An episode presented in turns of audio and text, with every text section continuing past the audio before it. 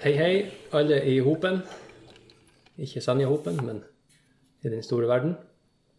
Velkommen til gårds, og takk for kaffen. Daniel, du er her. Ja, du er også stille. er her, Du har ikke mista mål og mæle. Jeg hadde bare litt lyst til å, å få lytterne til å tro at du var alene. Ja, det skulle ha tatt seg ut. Det skulle ha tatt seg ut. Ja. Og jeg har jo drog med, med meg mitt kjære søskenbarn, han Emil. Mm, Hallo, Emil. Hallo, ja. Velkommen til gårds. Takk. Søskenbarn, ja. Hvordan er dere i slekt? Nei, nå kan du lure. Ja, Det er ikke godt å si. Nei, vi har samme bestefar. Ja. ikke sant? Det er vel sånn det henger ihop. Ja. Ja. Nei, min far uh, var broren til hans mor. ja. Akkurat. Sånn henger de i hop. Ja, det gjør som gjerne det. Med andre ord så var han onkelen min. Ja, Ja. det stemmer. Mor di er tanta mi. Ja. Så har vi fått avklart det. ja. Det er sånn, jeg har sånn eh, Jeg kan jo si ganske her og nå at det er litt sånn eh, skummelt for meg, det her å være med på podkast. Så jeg sitter og ser på den jævla opptakeren hele tida bare Gjør jeg noe? Pelle meg i nesa nå? Ja, det er ingen som blir å se deg. Det er, det, Er det lov å pelle seg i det du må, hadde lyst til å Ja, å pelle deg i? det er bare å pelle i alle hold. Ja. Hvis du må. Ja, jo, jo. Og vi kan redigere bort alle sånne klaskelyder og sånn etterpå. Så. Så, så bra. Smatting og sånn, det tar vi bort. Ja. Nei, velkommen til gårds. Takk det var jo for artig eh, at du ble med. Ja. Nei, det var jo eh, spennende. Jeg har ikke vært med på en eh, podkast før, så det må, jeg- måtte jeg vel prøve. Ja, hva i faen. Nå har vi jo snart hatt hele slekta mi her. Ja. er det er lite representanter fra din slekt. vil Ja, jeg si. det er vel når jeg tenker meg om, så er det kanskje ingen. Nei, skal vi gjøre noe med det? Jeg lurer på om det er ingen. Hører dere det, slekta til Daniel? Vi vil ha dere med. Ja, vil jeg det? Det er ingen som bryr seg om. Nei, det, hadde vært koselig, det å få slekta med. Ja. Så.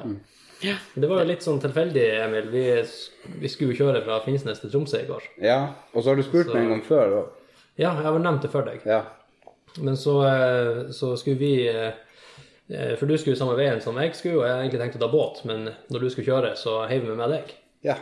Og så måtte vi jo stoppe plutselig med en varseltrekant der. Ja. En Volvo 740 som sto med Det var 940. 940 var det, Ja, ja. Sto med tomt batteri og, Ja, ja. og plagdes med seg sjøl på ei busslomma. ja. Hvilken farge var det? Han var Det var rød. rød. Selvfølgelig. Det var rød. Selvfølgelig var han rød. Mm. Så nå er han sikkert jævlig irritert i dag for den børstebroa som koster 140 kroner. Han kunne ha bytta sjøl på ti Ja, minutter. Nå står han på verksted med bergnings... ja, ja. Og der var det Hvor mange minus var det der de sto og surra? Jeg var vel eh, rett over 20 der. Ja, ikke sant? Det er ganske Det var jo kaldt. ganske mildt i forhold til hva det ble senere, den turen der. Og det syns jeg jo var artig på jobb i dag. De, eh, de klager jo på at det var så kaldt nå i Tromsø. Du syns det er kaldt, ja, tenkte jeg. Ja.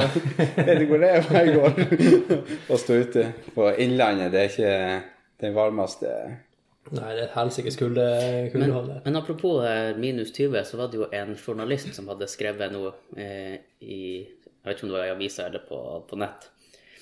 Så sto det bare I natt var det over minus 20 grader. Oi. Og det er jo ca. alltid. Det er jo cirka hver dag. Ja, ja. Her er det jo over minus 20 grader. Ja, Ja. Så det er jo Men sant, da er det jo varmere. Ja, 20. nettopp. Yes. Ja. så jeg okay. lurer på om han eh, var litt uheldig. Det er ikke alle som tenker på det der. Nei. Men det er ikke, jeg tror kvalifikasjonene nå til å være en journalist er litt eh, Skal ikke jeg si så mye ondt om journalister, men det virker jo som de er litt lavere. Hva at de er sånn på min høyde, liksom?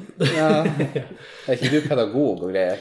Jeg er Nei, faktisk ikke. Jeg er ikke pedagog. Så jeg Du tok vet ikke den ene Hva heter det for noe? Eh, Det heter Nei, altså, jeg har jobba meg til eh, barneoppdragelsen. Ja. Ja. Du har jobba deg til barneoppdragelsen? Ja. Ja. Altså, jeg har, da jeg begynte i den barnehagejobben, så var det siste jeg hadde gjort, det var å kjøre taxi. ja, da har du fått Ja. masse pedagogikk. da. eh, Der har du jo mye du kan komme med i, i barnehagen, sant? Ja, ikke sant? Eh, og så jobba jeg nå så lenge der at jeg fikk lov å ta fagbrev. Så det har jeg da gjort. Gjorde du enda sånn når du var i barnehagen og trilla med en unge, kanskje, og så stoppa du, og så sier du det blir 230 kroner, takk. Det er fort gjort Og at jeg så kom du på at det ikke var takster med seg der. Og så som regel så har de sovna òg. Ja. Så, Så da lar du bare ventetaksten bare går mens de ja. TT-kortet, det tar du faen ikke i på. Nei. Nei. Det er lov å banne seg, forresten. Veldig lov. Det kan fort bli litt. Ja, det skal bare bannes. Vi merker alle episodene med explicit content, så okay, det, det er klart er klare over at her bannes vi. For det, det kommer bare. Så skal faen bare kjøre på. Det er bra. Nei, så eh, når vi var på tur, da, så, så avtalte vi at eh, du skulle komme i dag og være Ja. med på podkast. Ja. Så da var det liksom ingen vei unna lenger. Nei, Nei. det var jo eh, Det er jo litt stilt opp etter veggen, men det var jo greit. Altså, det er jo, det er jo Du sa det var stilt opp etter veggen. Ja, det blir jo litt sånn. For, ja, ja, ja, for det er du sånn ble opp veggen. sant, sant, Når jeg har fått eh, Hva du bestilte opp mot veggen? ja. Altså når folk eh, tilbyr meg sånne her ting Og det er akkurat samme som de andre gangene jeg har vært, veldig vært på TV og sånt. Ja. At jeg sier ja. Altså jeg sier jo ofte ja. Jeg sier ja. Ja. Det er det jeg sier til folk. Du er en yes man. Ja. Mm. Og, eh, og det er jo havna meg i masse rare situasjoner. og, eh, og så, eh, men så blir det noe Det går jo greit til slutt, som regel. Ja, jeg har erfaring liker, og det, blir, det, går bra, det skal være bra jævlig før du setter etterpå og tenker at eh, nå dreit det deg skikkelig ut. Ja, ja. Og det, og det holdt jeg jo på å gjøre fra min første, eller min første seriøse sånn medieopplevelse, da, der jeg Har du med. hatt flere? Jeg har hatt flere. Oi. Mm. Desken, Ja, det her. Den usannsynlige bonden på TV. Så ja. det har jeg eh, Min første sånn ordentlige Foruten om lokalaviser og sånt, da. Det var jo eh, når jeg skulle være med på TV3 på, eh, Jeg jobba på en plass som heter Pascals Paradise Hotel. Ja, ja, ja, ja, nesten. Men eh, ja, Pascals konditori heter det. Ja. Og, eh, og der var det jo eh, første Jeg var jo Altså, nå jeg jobber jeg jo som kokk og har en veldig stor konditorprega interesse, da. Og eh, Pascal for meg var jo det største jeg kunne gjøre. Og så ikke bare nok med at jeg hadde det presset på meg at jeg skulle ned og bevise for han at jeg kunne jobbe for han, men så kommer plutselig så sender han meg på kontoret med en gang, og da drev jeg og pakka noe som heter petit fier, det er en spesiell bakst. Jeg orker ikke gå inn på det, men uh, iallfall så så regner jeg jo med at jeg hadde gjort min første feil den dagen. Og for han var ganske grov i målet når han ropte etter meg. Så jeg sprang jo opp så fort jeg kom, eh, så fort jeg kunne. Ikke så fort jeg kom, så fort jeg kunne. Bare vent, jeg kommer snart! Sånn. Vent litt! og så bare Ja, we sjef. Det var jo det jeg måtte. Jeg måtte jo prate fransk, det forventa han jo. Og eh, så satt han jo der, og han er en mann som er ganske glad i å eh, terrorisere livredde nye... ny... Litt sånn som Ramsay. Ja, bare at han, eh, han eh, Pascal er ganske snill. Han gjør det bare for å være en grei hestkuk, liksom. Ja, ikke sant? Og um, han um, Ja, da kom han i hvert fall opp på kontoret der. Han var veldig gravalvorlig i blikket og spurte han om jeg syntes det her gikk bra. Om jeg syns det gikk bra, den her jobben. Faen, det der spørsmålet er noe drit. Ja, da får Ja, syns du det her går bra? Ja. Bare uh... Ja, selvfølgelig, og det jeg regner med det er oppfølgingssvaret ditt, at uh, du syns det gikk kjempebra, siden du spør meg på denne måten. Ja. Nei da, så var det jo at uh, Nei, fordi at han hadde prata med kontaktpersonen, det var jo mens jeg gikk på skole, da. Og eh, Var det her lærlingtida di, på en måte? Ja, nei, det var jo under skole, Ja, utplasseringsgreier. Ja. Ja. Og så da ringte han jo eh, til læreren, og han sa til meg at han hadde fortalt læreren akkurat hva han syntes om meg, at det var en udugelig bla, bla, bla, og en eh, ganske lat ungdom som ikke kunne noe og sånt. og Nei, det er tuller bare. Det jeg egentlig skulle spørre deg om, om du kan skrive under her, for du må være med på TV-program. Vi skal lage et nytt TV-program. Bare, Hæ? Du bare å, skriv under. Så det var Vent, hæ? Så da ble jeg jo hevet ut i det og ble eh, stilt eh, veldig mange spørsmål eh, som jeg svarte veldig dumt på mange ganger, og angra utrolig mye på etterpå. Det ble heldigvis klippet bort. Det er jeg så glad for. Det blir det ikke her, så slapper det helt av. Alle dumme svar kommer. Det, det er bra. Ja. Blant annet så greide jeg jo å svartmale alt som heter norsk konditori, og jeg det var ingen som var god i Norge, og bla, bla. Og, og eh, uten å tenke meg om, for at, sant, jeg sammenligna det med en, eh, så en konditor i Frankrike som går førsteåret, har et vanvittig høyere nivå enn en dreven konditor i Norge, liksom. Ja, ja. Og eh, så, så tenkte jeg at jeg kunne jo bare si det, og det gjorde jeg jo. Men eh, så tenkte jeg at det var jo kanskje litt stygt. og, og det, Ja, for det var godt ment. det var godt ment. Ja. Og, og det eneste jeg mener, det er at skolesystemet i Norge for konditorer er litt lavt. Nå har jo selvfølgelig svartsmalt skolesystemet da i, ja. i, istedenfor, men, eh, men eh, det får så være. Altså ja, for du er ganske tydelig i kritikken, kan vi si, når Ja. det er snakk om mat og Jeg er vel restauranter. kanskje og det. sånn. Ja, men altså, det er ikke noe galt i seg sjøl. Men det er i hvert fall ikke noe tvil om hva du syns, for du går faen ikke rundt grøten. Nei, det blir jo litt eh, Noen ganger kanskje litt eh, Mageplask rett i smørøyet. Ja, og det er jo ikke alltid Og så og så sitter jeg aldri i restauranter og klager på maten når jeg sitter og spiser. Nei, ikke det, det gjør jeg ikke, men eh, hvis folk spør meg etterpå hva jeg mente om eh, Så, så er jeg veldig spesifikk, sant. Det er jo de fleste sant, På en bra restaurant så er de fleste rettene jævlig bra, Mm. men så kan det være en som var jævlig svak. Og da er det jo ofte den man fokuserer mye på. Men jeg er jo veldig snar å liksom hente meg inn at eh, altså plassen er jævlig bra, bare den der liker ikke jeg. Så, så, så det er ikke sånn at hvis de kommer Ja, hvordan smakte maten? Sett deg her. Sett deg siden av far, så skal far fortelle deg hva han syns. Nei, nei, jeg eh, Hent kokken nå. Det er han som må høre det. Nei, nei eh, eh, det, Og det som er så fint her i Tromsø, at her er det jo stort sett jævlig bra mat. Ok, jeg tror du ser- Her er det jo stort sett jæklig dårlig, så det er ikke noe å ta Nei, så det er liksom veldig lite å klage på her. Men det er jo litt sånn betryggende, skal vi si, fordi at eh, du fikk jo en liten smakebit av en øl som jeg har brygga. Eller ikke bare jeg, men jeg Mm. og kompisen min og madammen. ja. Uh, og den var det jo bare lovord. Ja. Eh, Så spørs Nå- hva det blir å si når du kommer ut. Uh, ja, så nå spurte jo du meg som en servitør om sm- smakte det her bra. Så Ja. da Nei, det tuller jeg. Det var jævlig godt. Det var skikkelig godt. Det var ja, da får jeg bare ta det som en kompliment. Ja, jeg likte det veldig godt. Veldig bra. Ja, du må ikke ta det som en kompliment at jeg syns det var godt. For jeg hadde sikkert sagt noensinne. bare Du drikker hva som helst. ja, Du bare pisser i glasset. Ja, det var, var, litt, det var eh, litt salt, men eh, Skal være så varm. den er så pisslunka. Ja. Ser du det? Tilfeldigvis. Så, ja. ja, han har jo farge. Men nei, det, det man ikke skal gjøre, syns jeg som kokk, for at man kan alltid og det gjør man hver dag. Blemme og Mm. oversteke kjøttet og sånt. Greia der er om du er en sånn kokk som da sender det ut allikevel, eller om du lager nytt. Ja, for du må jo fortelle historier om eh, brent eh, blomkålpuré. Ja, det er jo litt artig, fordi at Det var jo eh, egentlig en tabbe.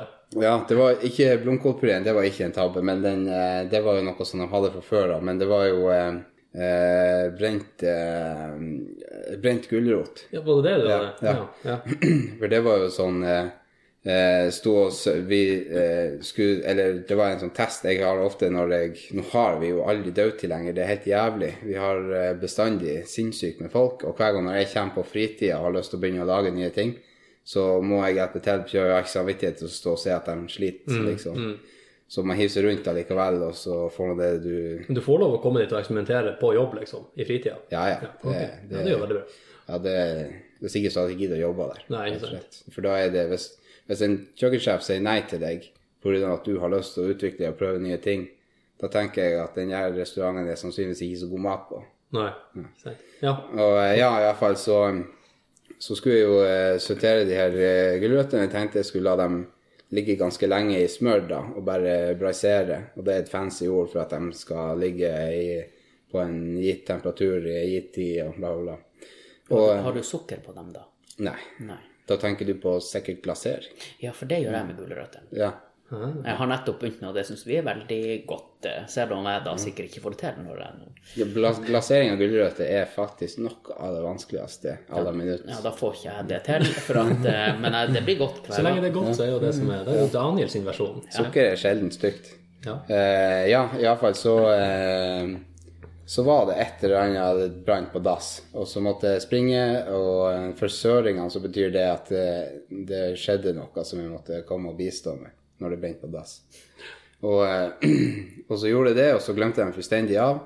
Og så fikk de ei sinnssykt svidd hinne over hele seg. Mm.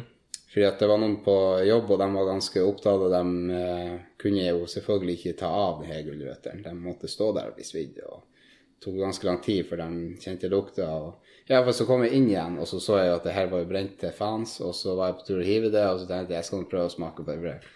Smakte det med eh, det brente jævelskapen, og det smakte jo helt høg. Det var helt jævlig. og så skrell jeg av det brente jævelskapen og smakte på det som ennå var fint inni. Og det var sinnssykt mørkt og deilig og saftig. For det som hadde skjedd, at den hinna hadde beskytta gulrota innvendig, sånn at ingenting saft kom ut, og den ble ikke tørr. Aha. Og eh, Sånn som du gjør med biffen. Ja. Det de sier du skal gjøre med biffen, som jeg har visst forstått at du skal ikke gjøre likevel. Det må gi ham hinner sånn først. ja, det kommer jo helt an på kjøttet. Sant? For eksempel på eh, Jeg syns jo det er noe som kalles for maillard-effekten. Og det har du i ølbrygging òg. Altså karamellisering av noe. Du begynner å få den farga. Og den har jo en, eh, en eh, Ja, den skaper en veldig god smak. Og før så trodde man jo at den skapte på biff og sånne ting, at den forsegla kjøttet. Ja, det er den, den myta der. Ja. Ja. Men sant, når du står og steker det, og når kjøttet begynner å nærme seg medium rare, så begynner jo det å piple blod opp, eller myosin, da. Ja. Og så, når den er, begynner å bli medium, så er den jo helt dekt med det. Så du skjønner jo at det, det her går ikke an. Men det, det, han hesten Blumenthal var vel kanskje den første som sa at det, det her stemmer faen ikke. Ja. Ja. Og eh, da begynte jo alle å tenke seg over at det selvfølgelig stemmer det ikke. Det kommer dritt ut, selv om den er brun. Ja. ja. Men du lager en smak, og den er viktig. Så du, må, du skal gjøre det på det aller mest kjøtt. Noen ikke, sånn som eksempel møllbraden vi har av rein eh, på mathandler. Den eh, har vi jo i kald panne først med smør og sånt, og, bare, og timian og hvitløk og alt det her. Og så bare ruller vi den litt i det. Bare å koagulere utsida, på en måte. Ja. Og så, eh, og så kjører vi det i ovnen et par minutter, tar det ut, sjekker det, hviler det like lenge, tar det inn igjen ett minutt, hviler det, sjekker det. Altså vi er veldig, vi er veldig bestemt på hvordan vi vil ha kjøttet. Og vi vil ha det optimalt.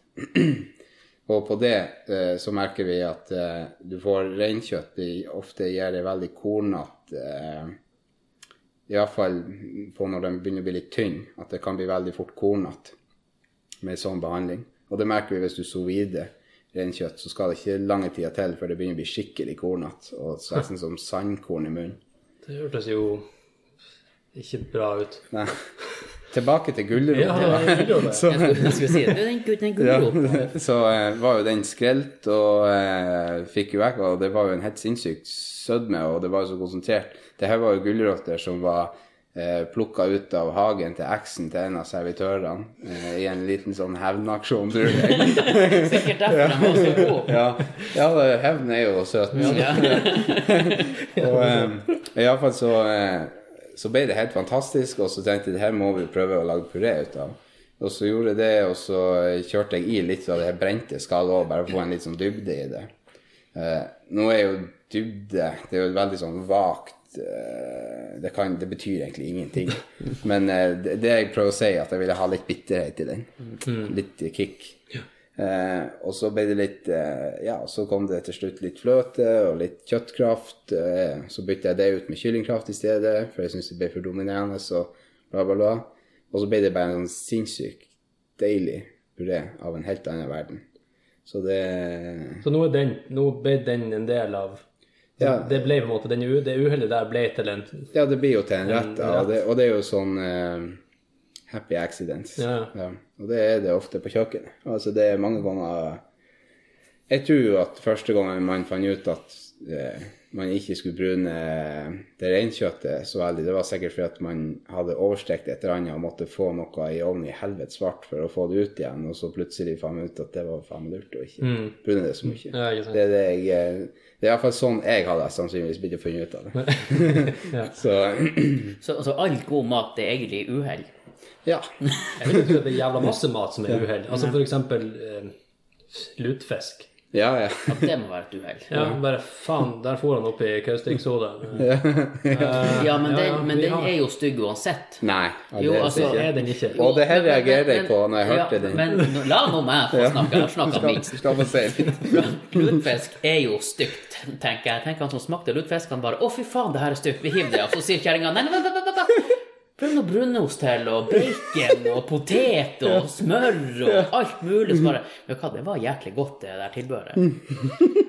Så ja, ja, så hvorfor, hvorfor kan de ikke bare bytte ut lutfisken med noe som er godt? Jeg er fullstendig uenig og Ja, syns det det er utrolig gærent. Ok, men da er episoden over. Altså, og det er noe jeg reagerte på eh, den Finn Arve-podkasten. Når dere begynte å snakke om delikatesser, og at de fleste var stygge. Da kjente jeg at det. Ja, var, ja, da kjente du at du det, var, det var ikke rett. Det er ikke rett. Og lutefisk, det er fantastisk. Og altså, det er jo selvfølgelig Uten tilbehøret så kan det jo bli, men sant, hvis du koker deg en bette Eller du For det første, du koker jo aldri nok av mat. Du kan jo koke klær hvis de, du har skikkelig dritt deg ut. ja. Men, Og bare, eh, mm, ja. Jeg tror vi må ha brunost til. Du skal ikke bytte ut de klærne med lutefisk? Ja, kanskje, vet du hva, kanskje det var det som skjedde? Ja. Men, eh, men ja, lutefisk er sinnssykt godt. Og, men det er kanskje for mange Altså, i min heim så åt vi det aldri.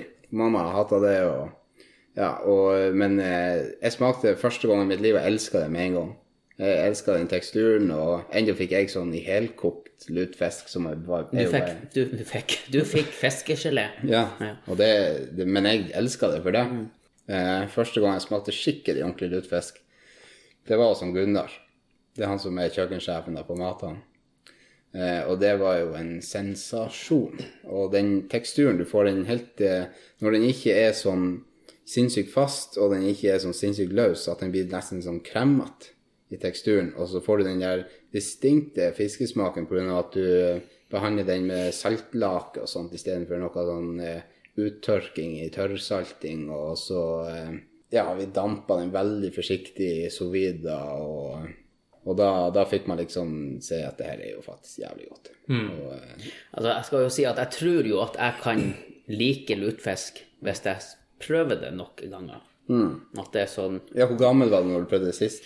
eh, Nei, jeg var nå Jeg var voksen. Ja. Men eh, det Var er den kokt? Det vet jeg ikke, for det var jeg Aldri kunne jeg ha tenkt meg å lage lutefisk.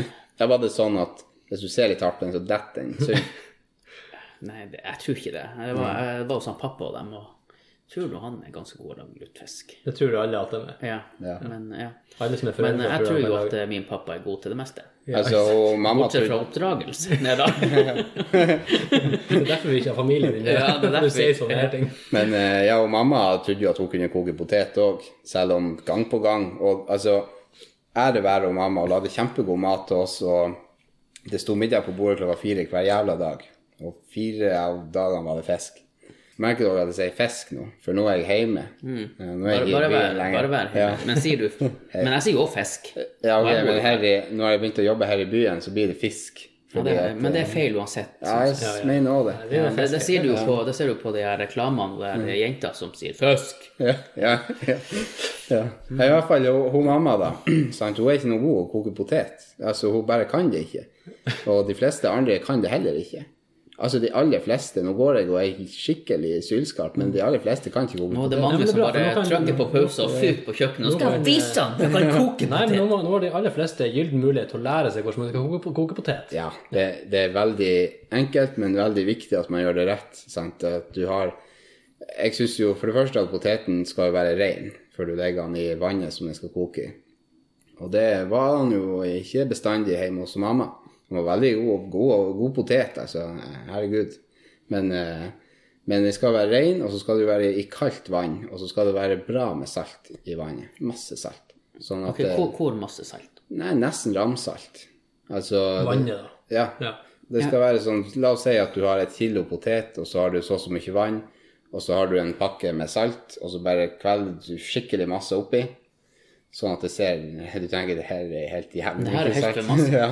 Og, så, og så kan du tenke deg hvordan havet er Ja. i salt, og der er du sånn cirka. Litt mer enn det, kanskje. Så, men kan du koke poteten i saltvann i havet? Fra havet? Ja. Er det perfekt, da? Det går over. Det er ikke perfekt. Du må ha litt mer fint. salt oppi. Ja. Du kan hente fra Dødehavet. Der kan du hente ja. Det direkte ja, Men der er det så som ikke. Alle de lunsene som ligger i det der havet, det tror jeg ikke vi Lunsen? Jeg har ikke sett eh, An Idiot Abroad med han Carl. Pilkington. Ja, han får jo vase rundt i det vannet der, og så kommer den sædklysa vandrende i navlen. Det var helt jævlig. Så det Når du sa det, så fikk jeg ikke lyst på potet. Ja, jeg får tre potet. Ja, og så lar du den, eh, så lar du den koke opp. Eh, og så når den begynner å koke, da, så setter du ned sånn at det ikke trollkoker, men du kan godt boble litt. Grann. Og så eh, ja, og så følger du jo med, eh, så du kjenner jo når han begynner å bli mør. Og så kan du jo Det er ikke altså sånn som noen sier at hvis du dryller en bitte pasta i veggen, og den ikke detter ned, så er den klar, og masse sånt der. Hvorfor det, og hvem som gjør det hjemme, det vet jeg ikke, men eh, jeg vet hvem som gjør det hjemme. Eller gjorde det hjemme. Du? Nei, det var min samboer. Men hun hadde lært at når pastaen sitter fast i veggen, ja. da er den ferdig. ja. Så det hendte jo at jeg kom på kjøkkenet og bare Hvorfor henger det en spagetti ned her? Og så bare Å, jeg skulle bare se om den var ferdig. Ja, hadde ikke vi det i går? Ja. Akkurat. Men eh, da, da fikk jeg dem i hvert fall ikke på fatet. Det kunne i hvert fall bare Clash, ja, den var ferdig. Fatet annet. Ja, ja i hvert fall også, også hvis du skal ta den helt ut. Og det er veldig viktig etterpå for så vidt også, når du skal, at du tar av vannet og lar den dampe seg ferdig. At den damper seg litt tørr i, i, i sikte sikt eller noe sånt. Hva du nå har. Du kan ikke kvele ut vannet og ha den i kasserollen og la den dampe ut. Jo, men den kasserollen er jo sannsynligvis jævlig varm i bunnen. Den er sikkert det. er en så bitte kasse. Ja, det kan du Hvis du føler for at du vil sile av vannet og ha det i en annen kasserolle, så skal du bare gjøre det. Jeg, hørte nå at det var litt dumt, siden du nå allerede har eh, sila der. Men det, men det er nå greit. Altså, du prøvde. Men eh, sant. Ja. Men Faen, du er faen meg Gordon Ramsay. Det. Du Men, gjorde eh, så godt du kunne, Daniel, men det, Det var ikke godt nok. Nei, så det, sånn er det. Men eh, ja, og så, eh, så damper han seg nå ferdig der, og så eh, kan du godt eh, Det vi gjør på jobb, da, og det gjør jeg hjemme òg hvis vi skal ha en skikkelig god middag, jeg er jævlig glad i potet. Sinnssykt glad i potet. Så jeg skjærer han i to, og så lager jeg et vann med 400 gram smør, meierismør. Når jeg sier smør, så mener jeg absolutt ikke melange, for dem som var usikre på det. Og så eh, kanskje en desiliter vann. Hvorfor ikke melange? Nei, hvorfor melange? Ja, kan jeg heller spørre deg. Ja, for at jeg vet ikke. Eh, Men jeg bruker òg meierismør. Ja, det er bra. Ja. Eh, Jeg bruker det til poteten. Det har jo du har skjønt, at jeg koker poteten sånn som mor Jo, jo, men altså, det, altså, men, altså den eh, melange eh, Eller den Å, huff da. Den smørdelen, det er jo bare når du skal under det ekstra luksus. Og da tar du jo sant, 400 gram smør, en desiliter vann, så får du noe som kalles for en beurre monté. Du varmer det her opp, og så kjører du det med en stavmikser eller et eller annet, visper det, ja. til det blir en sånn skikkelig feit, blubbete eh, brygg. Som du legger poteten som du har skåret i to, sånn at du får litt kjøtt og litt skall. Eh, og så ligger han bare og koser seg i det der smøret. Det gjorde jeg jo faktisk til den middagen som vi hadde til, eh, i forbindelse med den minnestunden. Ja, stemmer det. Og da ligger han der og bare blir superdigg. Det var helt nydelig. Og da hadde du jo sånn en gulløye Ja. Ikke det det ja. Gulløye. Det var jo helt nydelig. Den, eh. Men du kunne kan- spist bare ja. potet, faktisk. Hva er den beste poteten? Min favoritt, det er den eh, første mandelen, den bitte lille første mandelen. Den syns jeg er helt vanvittig. Vanvittig søt og deilig, og bare en sånn tekstur som er bare helt eh, himmelsk. Og samtidig så får du en kraftig smak av potet, liksom. Det er ikke noe tvil om at du vet potet. Men det Fins det poteter der du lurer på hva Ja, er det egentlig for eksempel troll. Oh, ja. Det syns jeg er en potet som smaker mye vann. Og er veldig kjip. Kjippoteter, liksom. Ja. Ja. Du har potet så har du sånn kjip kjippotet. små poteter og kjip potet. Men sant, eh, man må jo ete troll iblant òg.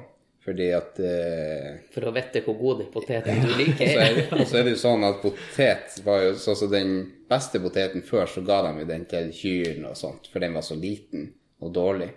Før så var jo det en drittpotet for alle bønder. Nå er det jo Nå kalles det for en delikatessepotet. Og selges for ca. trippelte av det vanlig potet selges for. Så sant eh, Skal man ete den beste poteten fem dager i uka, så blir det ganske dyrt. Altså du må beregne 70 kroner i potetbudsjett hver dag. Det blir litt mye. Ja, der fikk du. Delikatessen er faktisk den beste, Daniel. Ja, det er ja. Selv om det er en delikatesse. Ja. Ja. I Daniel sitt forsvar så er det noe som kaller det for gourmetpoteter. Ja, det er Se der, det er noe Ja, ja, ja, ja, ja. Gourmet er enig om at gourmet er godt uansett. Ja, alt, alt gourmet er godt. Så hvis du har gourmetlutfisk, jeg skal spise det. Nei da, så eh, Men eh, poteten er viktig, og eh, de, Altså, hvor mange ganger når man var liten, har du ikke gått, og så ligger man den i helsprengt i kasseånden der, og, og det var jo ofte foreldrenes indikasjon på at nå er den ferdig. Nå er den ferdig. Begynte å Den, dele seg opp selv. nå er den ferdig renska. Nå er det blitt potetmos. Vi har ikke gjort noe før det. Og det var òg en sånn dritting man gjorde før, at man renska den stakkars poteten. Den hadde ikke sjans å ha en smak. Ja, for, altså før du kokte den? Ja, nei, du Nei, nei faen, altså, det gjorde jo mamma. det hadde du ikke tid til. Nei, nei, men du ok. Men etterpå òg. Men, men du, du rensker ikke poteten etterpå? Nei. Nei, det, det all gjør ikke jeg heller. Nei, det har vi òg. Det er hele mitt voksne liv omtrent. Bare spis poteten Ja, men skade på. sant, når du, far din, han renska poteten. Ja, han var gammeldags. Ja, ja, og det gjorde mutter'n og sånt, og den dag i dag, eh, med mindre jeg insist, sånn som de var jo hos meg på nyttårsaften, og da måtte jeg jo insistere på at denne poteten skal ikke skrelles. Fordi at det skallet, og det, det som er rett under skallet, er jo det som har mest smak.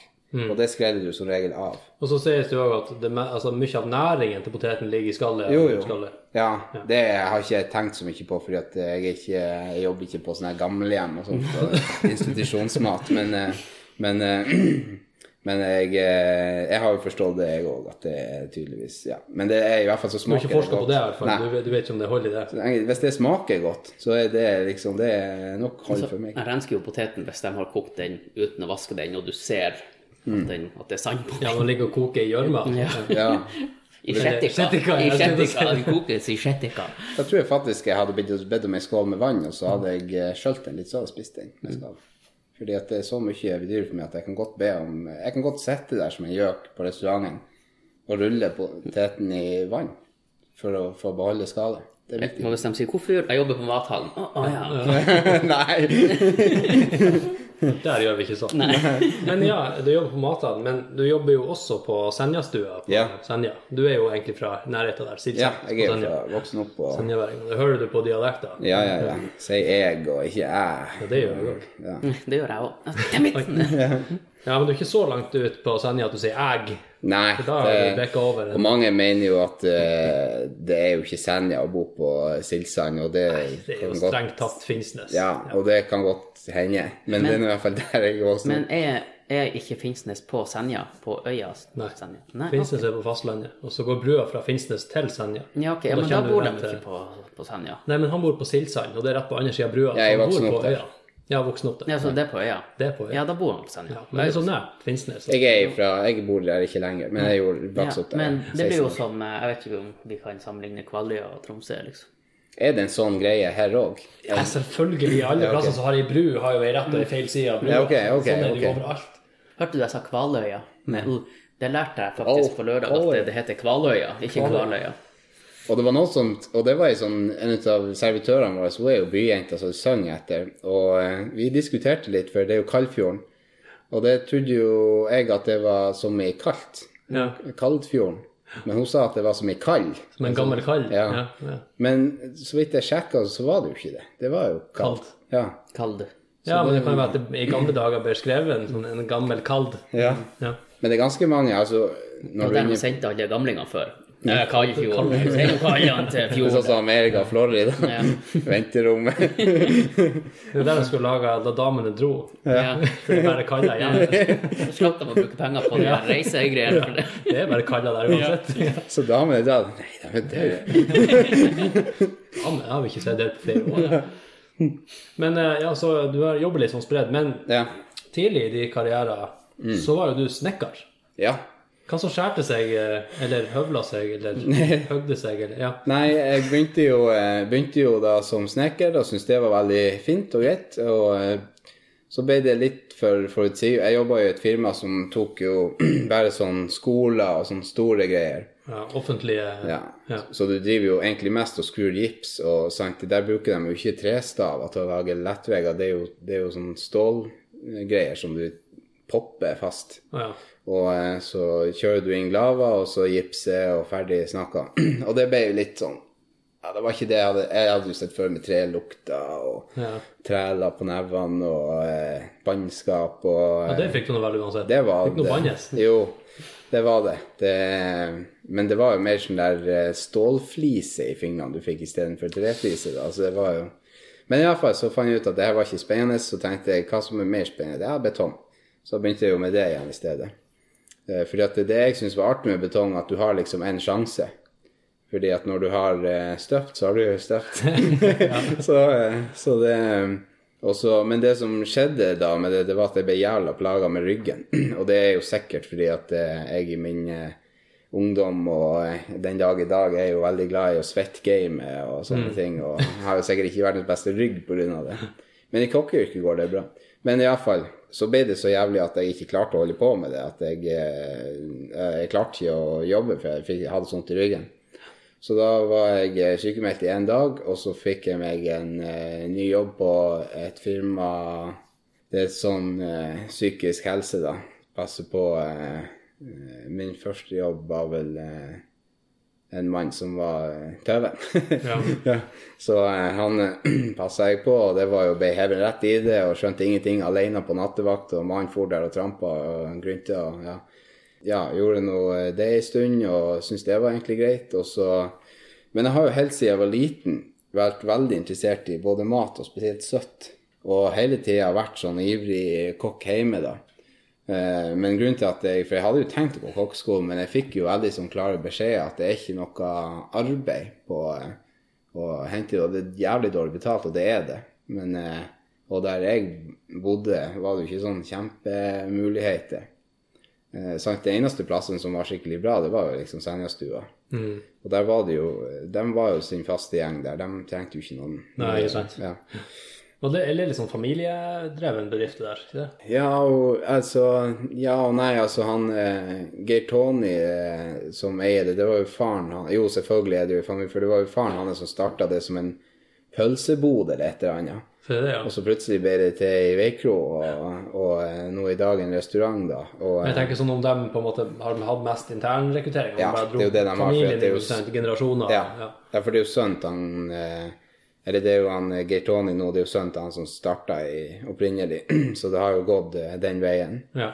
Og eh, Rita, som er fast kjøkkensjef der, hun er jo Hun har vært der i mange år. og Hun er med der en dag i dag, kommer hver morgen og jobber som faen. og ja. Ja, ja. så Da er det ikke bare å få innpass der når du kommer, ikke er i familien og Nei, det er liksom nei, litt eh, Det var alltid litt eh, vanskelig. Og så hadde vi jo, så var vi jo to litt forskjellige verdener når jeg skulle begynne å jobbe der, da. For jeg var jo litt mer vant til litt sånn fin fine dining, kan du si, da. Det er sant, jeg hadde vært på, i Tromsø på noen fine restauranter, jobba og, og, og vært på en Michelin-restaurant i Oslo og vært der, og, sant, og, så, og så kommer du til det der, da, som er sinnssykt god mat, men det er jo litt røffere. For det er jo en helt annen klientell. Altså, du kan ikke selge en meny der. For at det, folk vil bare ha seg en kjempegod middag. Og jeg opplevde, altså vi har opplevd at folk har kommet og tatt med seg egen twist liksom, i selskapet for at de ikke vil kjøpe dessert. Så det er jo en helt annen Men det har nå vel sin sjarm, det òg. Men ja, iallfall så, så tenkte jeg at eh, For jeg var ikke Jeg hadde veldig Fikk jeg fått en veldig fin sønn og ei datter, og veldig fornøyd med kjerringa og alt det her, men det var et eller annet som mangla i livet, liksom. Og da slapp jeg alt. Og sånn er jeg. At jeg slipper alt hvis jeg kjenner at noe er ikke rett, og så må jeg fikse det. Og så det gjorde jeg. Og da begynte jeg på kokkeskolen.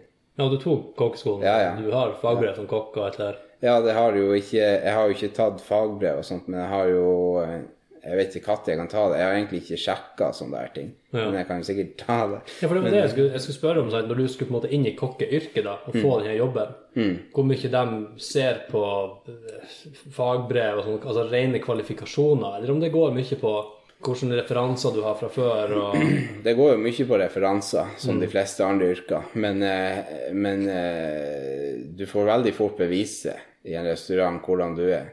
Og sant, eh, det er jo, det er jo to ting eh, som er viktig. Det ene er livsviktig og er den tingen som gjør om du får jobb eller ikke. Og den andre er eh, relevant. jeg vil tro at det å kunne lage god mat er vel den som er viktigst når du er kokk. Den, det er relevant. Den er relevant. Ja, Ok, det men da som, er sant, som er... som min favorittkokk, eh, eller ikke min favorittkokk, men en som jeg var veldig glad i når jeg ble veldig seriøs med det, det var han han som heter Anthony Bourdain. Han døde jo i fjor. Og eh, han sa jo det at eh, han ville heller ha en eh, nepalesisk eh, oppvaskhjelp og lære han på kjøkkenet enn en eh, liten skittunge som nettopp var utdanna fra det beste Culinaris Culinary Institute of America, liksom. Fordi at eh, du kan, du kan lære folk å lage mat, men du kan ikke lære karakter. Nei. Og hvis du kommer og har den skitholdninga og er en skikkelig sånn der Jeg skal nå faen ikke stå i oppvasken, jeg er jo kokk, liksom, og sånne her ting. Da er det vel, og det finner man ut med en gang, liksom, på folk og eh, Og hvis du eh, Ja, den som er villig til å jobbe eh, og gjøre litt drittarbeid og sånt, det er ikke noe problem. Og det er sånn du får jobb Ja, rett og slett. Om du har lyst til å Og om restauranten trenger og har økonomi. For det, det, det som er det største problemet til alle restauranter, det er å få det til å gå rundt. Sant? Vi har jo smekkfullt hele tida, men det er jo ikke sånn at vi vasser i penger. Nei. Fordi at det er jo så sinnssykt dyrt å drive, og vi må jo bestandig eh, heve oss. Ja?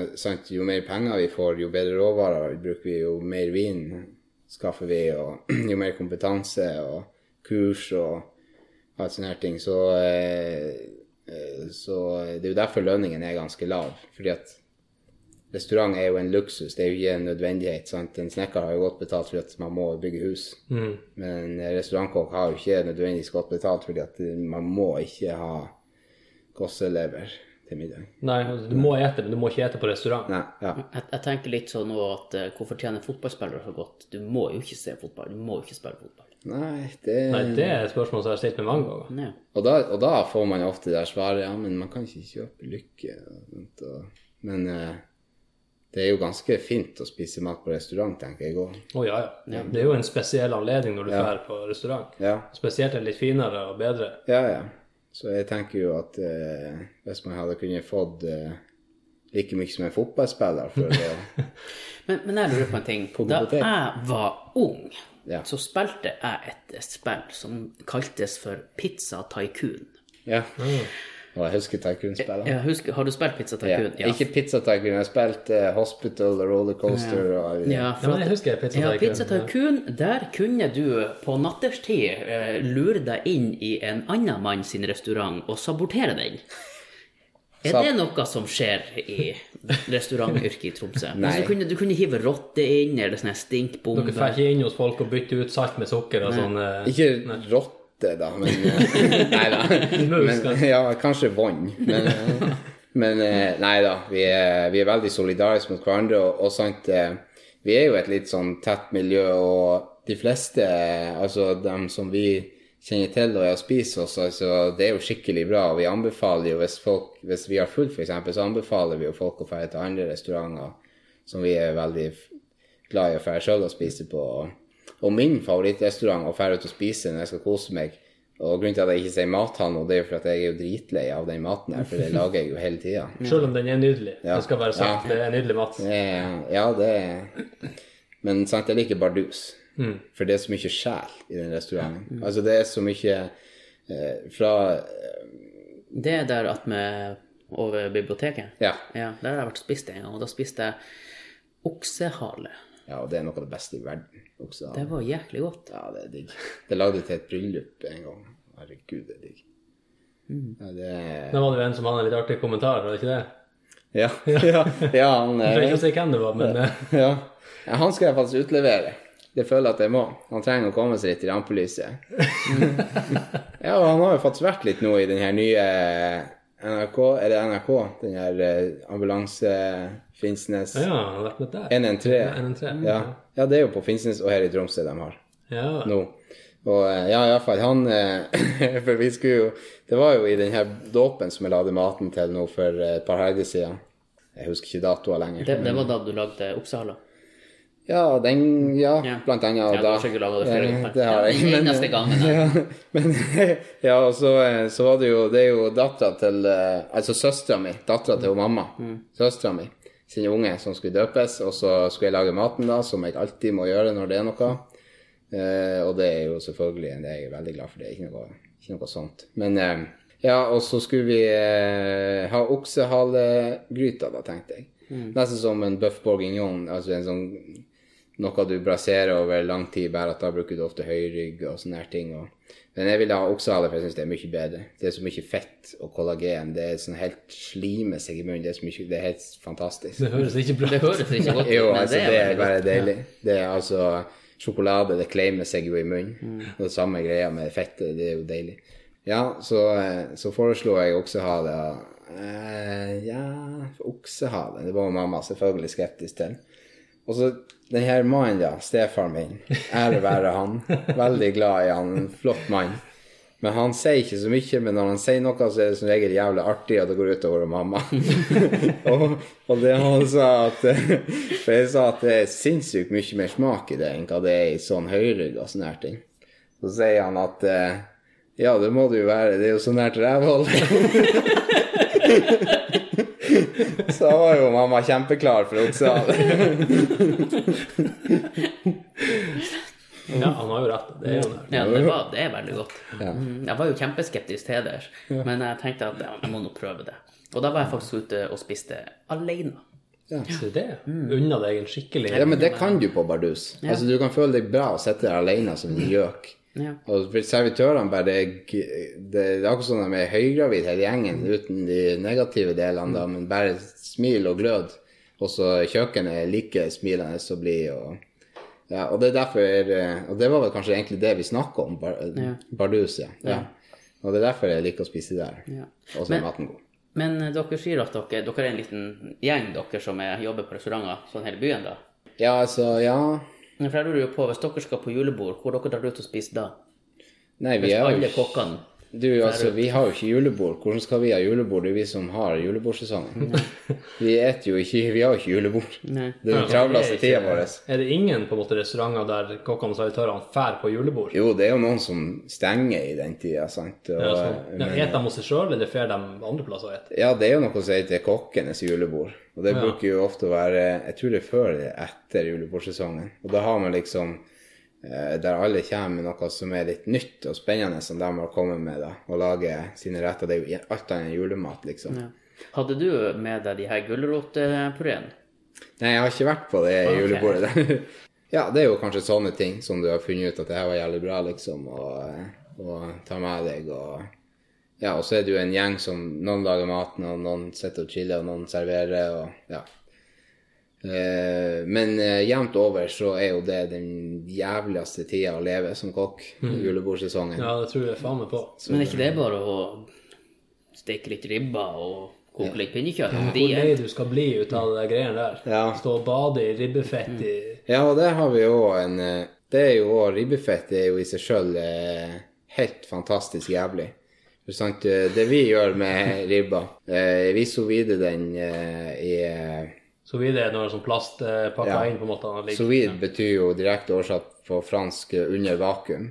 Ah, ja. Så du vakuumerer det jo, og så damper du det eller koker det i et sånt vannbad eh, på en gitt temperatur og veldig stabil temperatur over en gitt tid og sånt. Så får du et veldig mørkt og bra resultat. Det er ikke alt som egner seg til sous vide, men, eh, men ribba syns vi blir veldig bra der. Og så tar vi jo av eh, svoren, og så koker vi den sinnssykt mør, og så tørker vi den, og så friterer vi den så den blir som bacon. Separat. Du tar av Ja. med svor, og så Ja, ah, ja. Da blir det som bacon eh, Hva det heter det du kjøper? Øffer eller svineøff? Ja. hva faen. ja, ja. Det blir akkurat sånn. ja. Eh, ja, og eh, Og sant, det tar eh, Vi må marinere den og legge den i salt og sånt over en gitt tid, og så må vi ha den i sånn vakuumposer, og så må vi dampe den, og så må vi ta den ut, skjære den opp og ta av de der greiene, så må vi koke svoren, tørke svoren og fritere svoren, så må vi à la minutt, altså rett før servering, steke ribba litt så den får litt farger, og så må vi eh, bake den i ovn til den får ordentlig temperatur, og så skal alt det serveres med en saus som tar omtrent en halv dag å lage. Så sant det Det er er derfor du har egne sauskokker. Ja, i det gamle franske så er det noe som heter saucieren. Ja. Og eh, det er jo ikke noe lenger, dessverre. Man har jo ikke kapasitet eller økonomi til å ha så mye spesialkokker lenger. Ja, så det er litt mer som enn bare å steke litt ribba. Og pinnekjøtt skyr vi bort fra i julebordsesongen, fordi at det, ofte så restaurantpinnekjøtt er ganske vanskelig å få skikkelig bra. For det er sånne ting du et en gang det er ferdig. For at det skal være, det blir ofte jævlig tørt. Mm, du kan ikke forberede noe på forhånd der du Nei, det er liksom det er ganske vanskelig. På Maemmo så hadde vi eh, en eh, Så hadde vi pinnekjøtt, eh, sant, men det er helt annet der. For der er, var det jo sånn Ja, du du, du visste nøyaktig hvor mange som kom, og du lagde menyen nøyaktig nok til så og så mange gjester, og, og, du, og der var du sånn, lagde du pinnekjøttet sjøl, og det var en helvetes prosess med det pinnekjøttet der. Og, og, og på en restaurant der vi har kanskje 100 gjester på en kveld i julebordsesongen, som skal ha fire eller seks retter, og så må du òg tenke på at i julebordsesongen så har vi den vanlige menyen pluss julemenyen. Som om vi ikke hadde nok med den vanlige menyen pluss julemenyen pluss à la carten for dem som ikke vil ha en meny. De vil ha f.eks. dagens fangst. Og, eh, eller de vil ha en kjøtt tartar eller noe sånt. Så det er ganske omfattende. Og eh, hjemme òg. Og, og nå gjør jeg noe, skyter meg skikkelig i legen her. For det her er jo eh, en av mine store privilegium som kokk da i huset. At jeg får lage julematen hjemme hvert år. Og det tenker jo de andre gjestene at det her er jo så jævla mye arbeid. Jeg har jo stått og jobba meg i hele dag og natt. Men egentlig så lager jeg jo alt garnityret på kvelden på lille julaften. og så ribba, den eh, kjører jeg jo i Når jeg lager ribba hjemme, så langtidsbaker den jo i ovn. I sånn her syv, åtte, ni Kommer an på hvordan ribba er i timer, liksom. Og så eh, står nå den på. og Pinnekjøttet det er jo bare å dryle på damping, og det er jo ingen arbeid. Og eh, og så legger jeg meg litt i sofaen og ser litt på TV og sånt, og så kommer jeg hjem fra all den her og da står jeg der med kokkejakken på og utgrisa jævlig og ser ganske sliten. Har du liksom da tatt og sølt litt på deg sjøl? Ja, ja, ja. Og så, og så virker jeg veldig sliten for at jeg nettopp stod opp, Mm. for eksempel. så, så, så, så det Men nå vet jeg jo at kjerringa skal høre denne her podkasten, altså nå sliter jeg jo litt neste år. Så jeg må så, så For det er egentlig jævlig enkelt å lage julemat hjemme. Ganske slitsomt på restaurant. Ja. Men eh, vi um, går litt videre. Ja, vi har, vi har faktisk snakka om mat i 52 minutter. Ja, det er jo, jeg blir jo mett. Jeg ble av, mett. eh, det. Jeg hadde også litt lyst til å snakke om tatoveringen hans, men jeg ser jo det er faken meg mat der òg. Ja, det er det. Bare, men står det bearnés der? Brunoise. Brunost? Brunoise. Brun brunois? Det er en, eh, det er en eh, størrelse på grønnsakene. Okay. For i Frankrike så har alltid navn. Å ja. Sant? Eh, hvis du sier Hvis en kokk i Frankrike sier til deg at han skal ha en kutta eller mm. så er det jo at den skal være i én gang én centimeters terninger. Oh, ja. Ja. For på hver finger nå så har du jo forskjellige kokkeredskaper. Ja, det er mine ting som jeg bruker ofte, og dem er Bruker du bare fingeren, da? Jeg ser du har med Ja, det er det som er på greit. ene fingeren, kutter du med den fingeren, og så Det er det som er greit. Og det er litt artig at det er jo den fingeren jeg har sydd òg.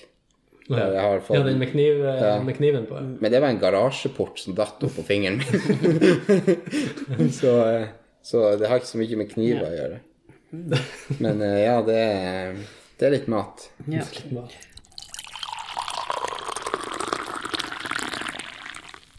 Jeg, har- jeg tenkte vi kunne jo hjelpe noen folk i dag, men jeg har bare én. Du har bare én? Ja, men den er litt omfattende.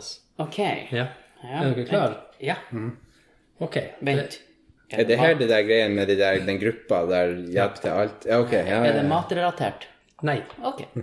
det er det ikke. Nå skifter vi gir her. ok, skifter gir. Eh, nå er det ei som eh, skriver 'trenger hjelp'. Punktum. Okay. Admin får varsle hvis dette ikke passer.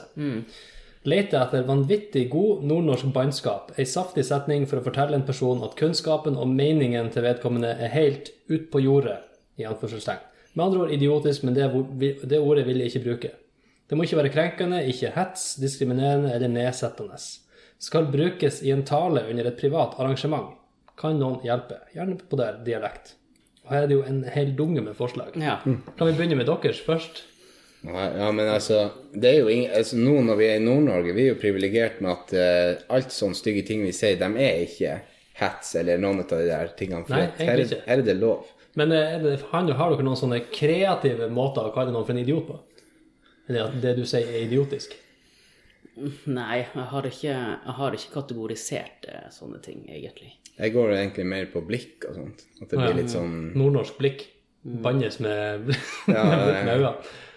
Ja, du bare røyser øyenbrynene og bare OK. Nei, for vi, vi har noen forslag. Skjønner du? Er det kommentarfeltet jeg Ja, har forslag? ja, men det, når du liksom. sier blikk, så har um, eh, jeg og en kompis vi har en sånn her at hvis han ene sier eller gjør noe dumt, så ser vi bare litt på hverandre, og så går bare han.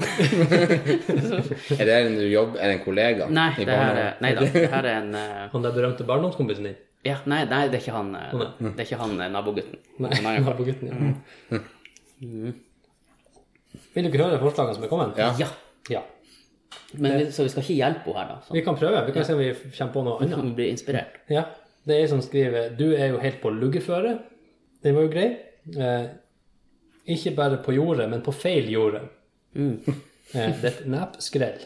Den er jo klassisk. Eh, Finn deg ei kort kai, gå deg en lang tur. Den var jeg likte, den var Ja, den er fin. Eh, Du snakker bare mannskit. Den er vanlig. Er du helt nedsnudd? Den bruker jo jeg. Nå er du faen meg nedsnudd. Ja.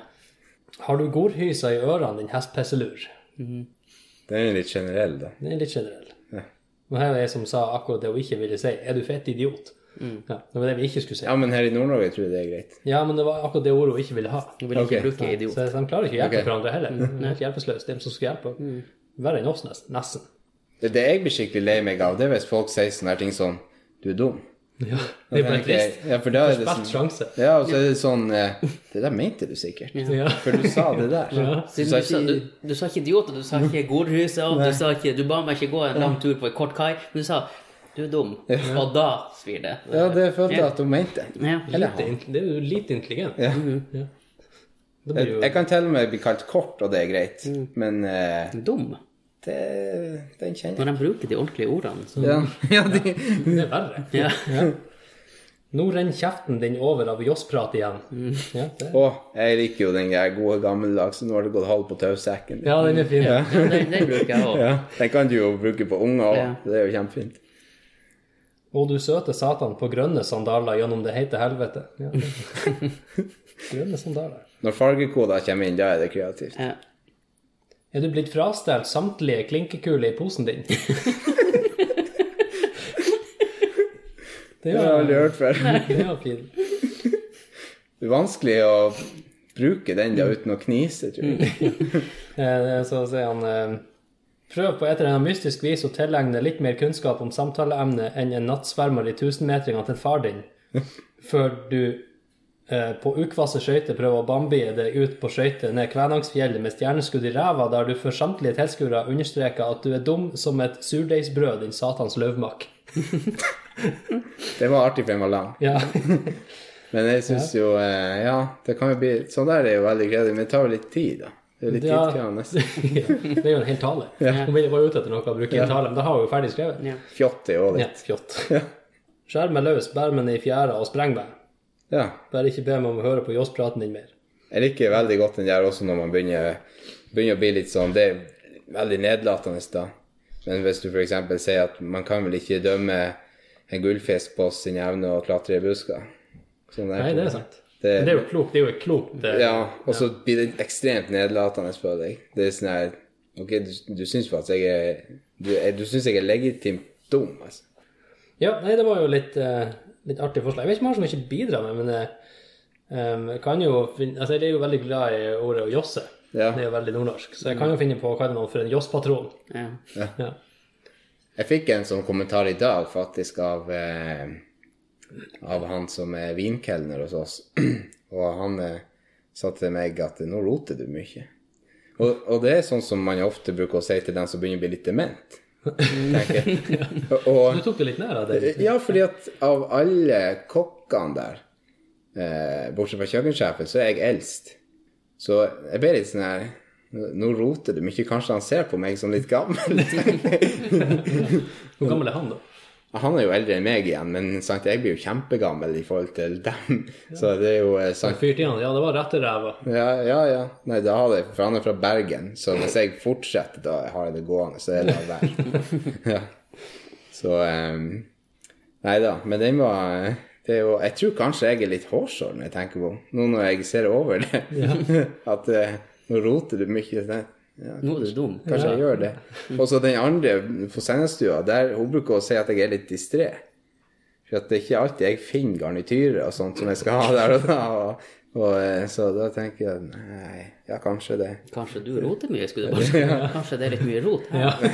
Nei, nå roter du. Det er han Geir Tony som er distré. da har du krenka mange plutselig. Ja. Ja, nei, det var nå ikke det.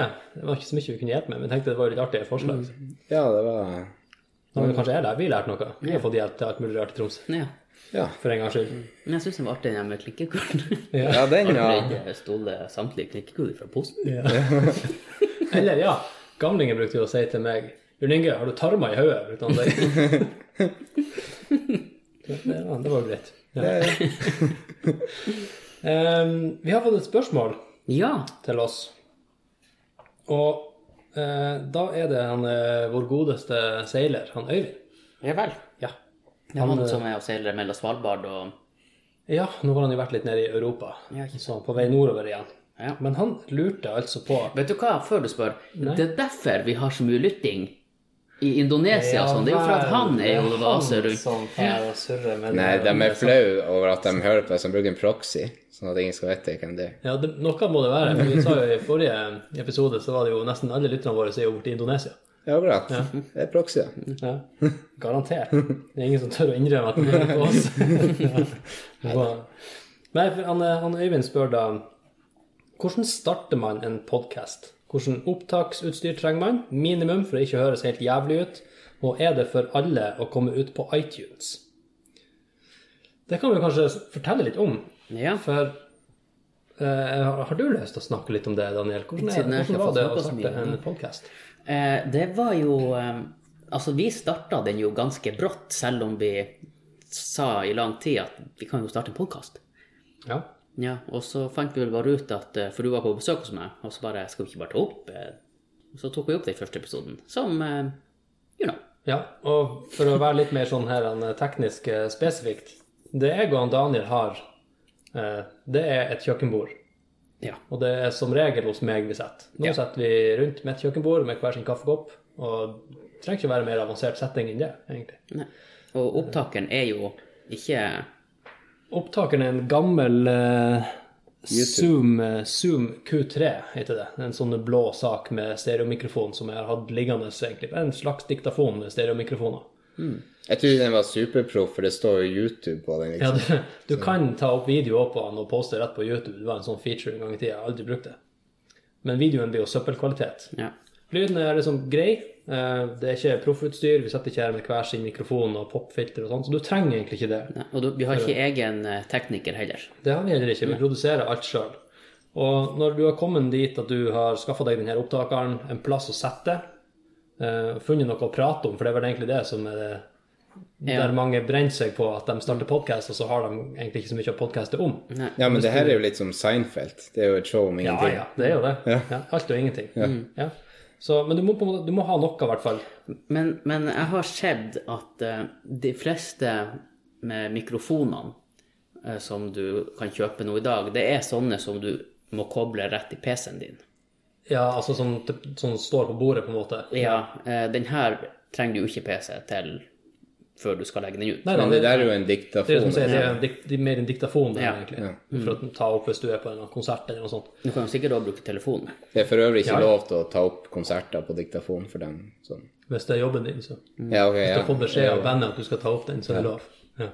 Men eh, piratkopiering, det er ikke lov. Nei. Nei, så har vi det på det rene. Så er det på det rene. Um, nei, så du trenger egentlig ingenting uh, mer enn det. Uh, lyden fra sånne her opptakere blir mer enn god nok. Og det viktigste er jo innholdet, egentlig, hvis du skal lage en eh, OK podkast. ellers, så når det her er tatt opp, så kobler du den inn i en PC, og der finnes det en del bra programvare. Eh, vi bruker Audacity, heter det. Ja, A-U-D-A-C-I-T-Y. Og det er gratis. sikkert. Ja. Ja. Og så kan, kan tel, selv jeg bruke det. Det kan selv Daniel bruke. Og det er, det er gratis, open source, last oss ned. Han jobber i barnehage. Og jeg jobber i barnehage. Så det kan alle sammen skaffe seg, og det er enkelt å bruke, i hvert fall i forhold til enkle produksjoner sånn som det her. Ja. Vi har ikke fullt av spor, vi har stereosporet som kommer fra, fra opptakeren. Men det er noe jeg merker er veldig vanskelig. Det er jo å få folk til å rate podkasten. Ja, det må vi jo begynne å mase om. Ja. Ja. Ikke mase, vi må be innstendig. Ja. Ja. Uh, så det er, egentlig, det er egentlig det du trenger. Uh, har du den PC-en, en diktafon og en plass å sette, så er det nok, egentlig. Eh, ha et godt øre, vær litt nøye når du setter og redigerer. Prøv å få best mulig resultat fra den mikrofonen du har. For du har en del sånne effekter eller funksjoner du må legge til, sånn at du må komprimere lyden og sånne her ting. Da finnes det veldig mange gode guider på YouTube Ja. som forteller hvordan du skal tilpasse det i forhold til lyd, eller romklangen der du er og tar opp. Jeg merka forskjell fra når vi flytta fra leiligheta altså i huset, her, at her er det en helt annen lyd. Så her må jeg trikse litt for å finne den her eh, sweet spoten igjen. Men det er jo akkurat som når du tar bilder, altså pakk vekk dildoen før du tar selfie på badet. ja. Sjøl ned i doen og Ikke sant? Har du gjort den tabben der mange ganger? Eh, Ingen kommentar. Å, det vil du ikke snakke om. Nei. Nei, det, det blir drøyt. Ja. Nei, så jeg håper det var svar på spørsmålet. Det er ikke vanskelig. Det er Det tar litt tid, eneste. Det går noen timer å sette og redigere. Ja, det tar lengre tid å redigere enn det tar å lage Ja, for du må sette og høre gjennom hele episoden, og i tillegg så er det masse pauser der du må si, klippe bort eh, hosting og smatting og Dogåing. do- dogåing, lange pustepauser, masse sånne øh, lyder, for veldig mange sier øh til alt før og etter i setning. Kaffekoking. Kaffekoking. Ja, den har vi jo med, det er jo med vilje. Ja. Ja. Så ja, nei, kjør på. Lag podkast. Ja. Inviter gjester. og Gjerne oss hvis du er i Karibia. Spanderer du turen, så kommer vi på gjester hos deg. Ja, ja, ingen Så kan vi ta en såkalt crosspod, så kan vi også lage. Ja, crosspod. Det brukte vel, ordet brukte vel han Øyvind, faktisk. For han driver og spekulerer litt på å lage en sånn seilepodkast. Ja. Det blir sikkert ikke noe ulyder og sånt der. Nei da. Sjøsprøyt og måse og ja. ja, det blir Og i Karibia så blir det vel sånne hailyd og sånn her dun, dun, Ja. dun, dun, dun, blir det. Jaws. Ja. Og masse sånn risling i sånn hula-hula-skjørt. Ja. Sånn, ja. Ikke bare å redigere bort. Nei. Ja, nei, men Det var nå egentlig det. Ja. Eh, Skal vi gå videre til Emil sine tre historier? eh, Ja. Skal vi altså gå videre til eh, Du lyg. Ok. Eh, Min første, det er, her var min første utplasseringsperiode i Tromsø. Og jeg tror jeg har taushetsplikt, så jeg skal ikke si navn og sånn på restaurantene og sånne ting. Men eh, det var en ganske bra plass i Tromsø. Og eh, det er ikke noe sånn altså vi gjør ikke, Mange tror sikkert at vi gjør heslige ting og spytter i maten sånn at vi er superfolk, og det gjør vi ikke. Det kan godt hende at vi at vi i vår stille sinn tenker at eh, ja, ok, du skal ha det, du er, du skal, du er på lavkarbo og kommer hit og skal ha en full meny akkurat. Ja, det får vi nå ordne. Det ordner vi, det. Så det, vi har jo tid til det. I hvert fall, vi gjør ikke sånne ekle ting som de viser på TV. en liten dråpe cyanid er nok. ja. Eh, ja, i hvert fall så eh, var det min første kveldsservice. Jeg var, var, nei, det var lunsj, faktisk. Og så, og så eh, skulle kjerringa komme og spise den dagen òg mens jeg var der.